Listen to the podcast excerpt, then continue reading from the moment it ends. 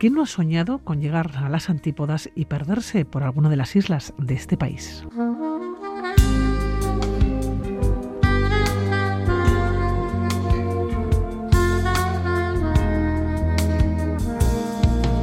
Y nos quedamos en una ciudad que prometía que nos iba a llevar a la península de Otago, ubicada en el borde sur precisamente del gran puerto de esta ciudad de Dunedin. Xavier Bañuelos, que ya estamos instalados allá, dispuestos a recorrer esta península, por cierto, donde nos cuentan que las experiencias ecológicas van desde colonias de pingüinos y lobos marinos hasta acantilados. Pues sí, tal, tal y como lo cuentas, es un sitio de mis preferidos en Nueva Zelanda. Fíjate, el otro día definíamos la península como deliciosa e impresionante, ¿no? Y decíamos que tenía una caprichosa, ¿no? Era como una especie de desjarrón.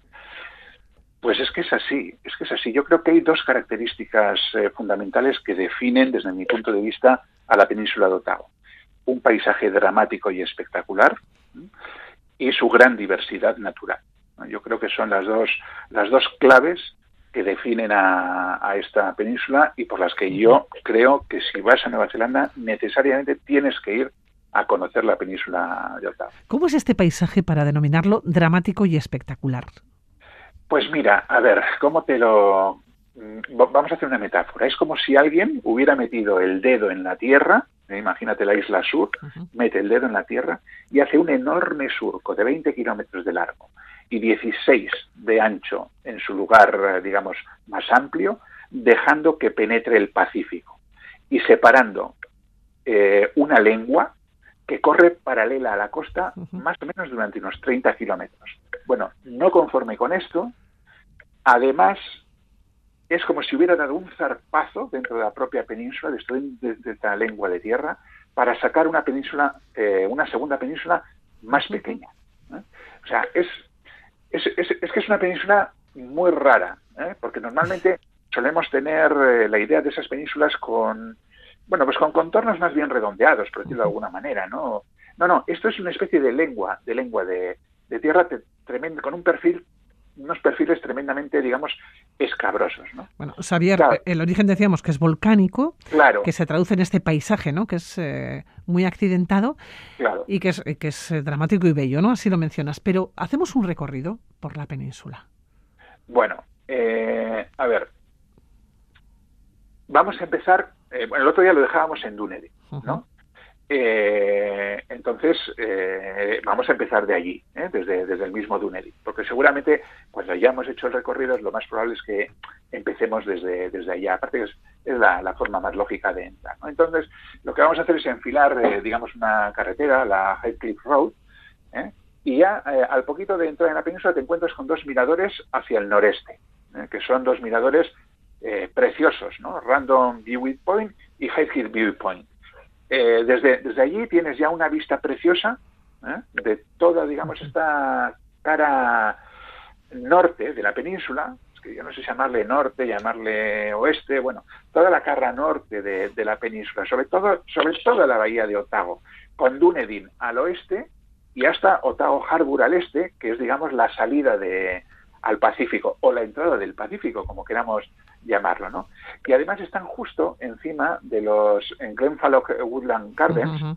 que son jardines, unos, jardines, sí. unos jardines muy bonitos, muy bonitos, que bueno, yo creo que una vez que llegas ahí ves esto, conviene bajar hasta la costa para, para verlos. Bueno, pues continuamos nuestro camino, ¿eh? siempre digamos rumbo noreste. Eh, y en el centro de la península nos encontramos con un lugar que ya mencionamos eh, el otro día, el castillo de Larnach.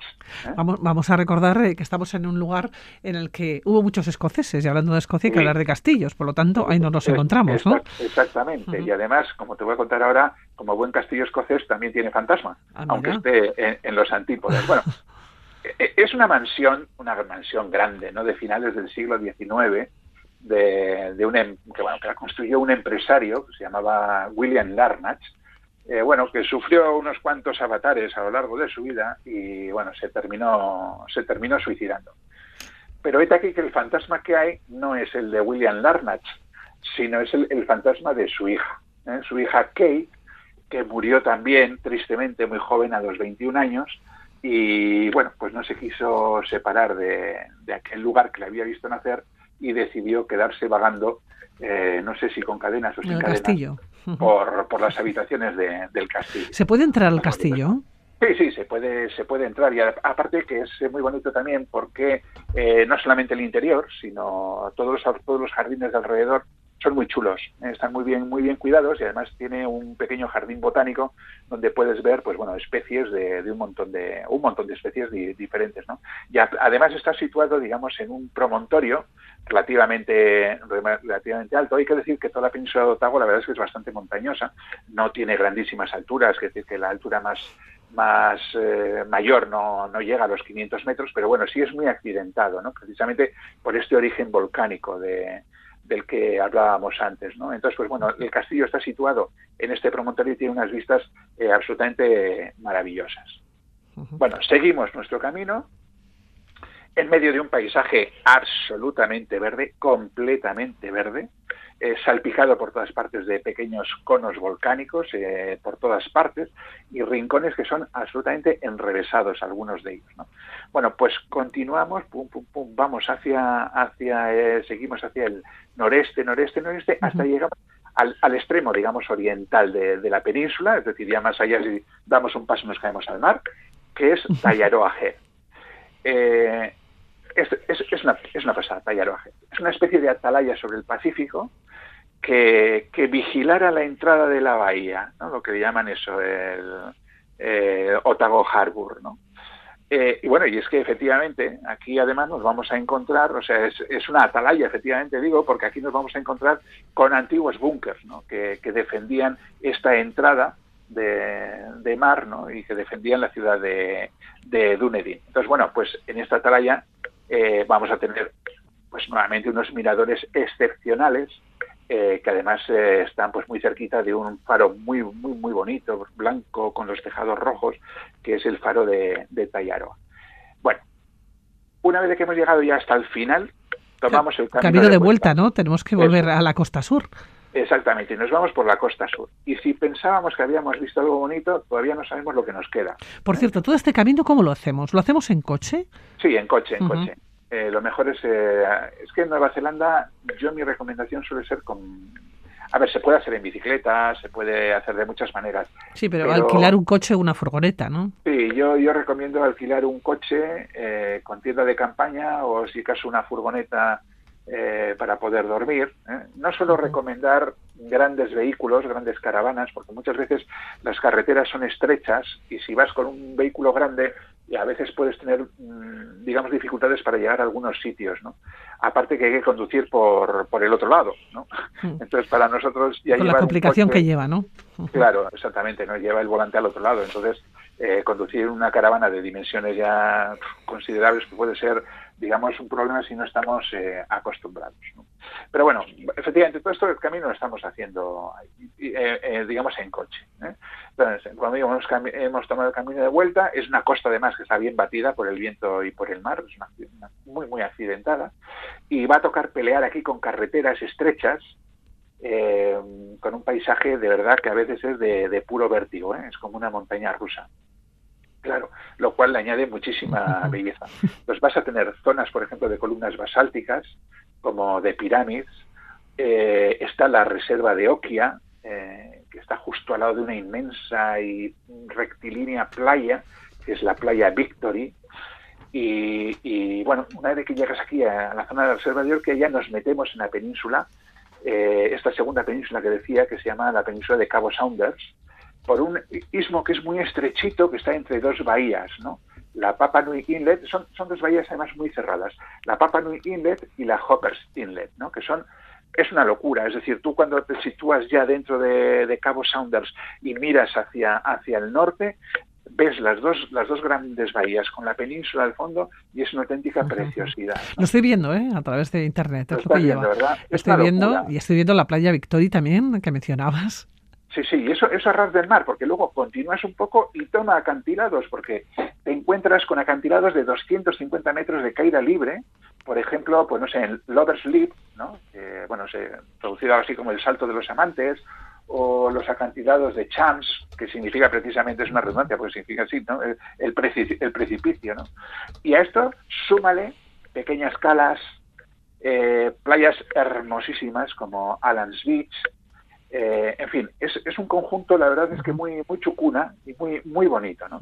Bueno, pues salimos de Cabo Saunders y de nuevo nos encontramos con el vértigo, en la zona, en la zona de Sandy Mouth, con más acantilados, más zonas de dudas, y todo esto para terminar en Sunfly Bay, eh, bueno, pues con un arenal lleno de leones marinos y de pingüinos y enormes bosques de cochayuyos.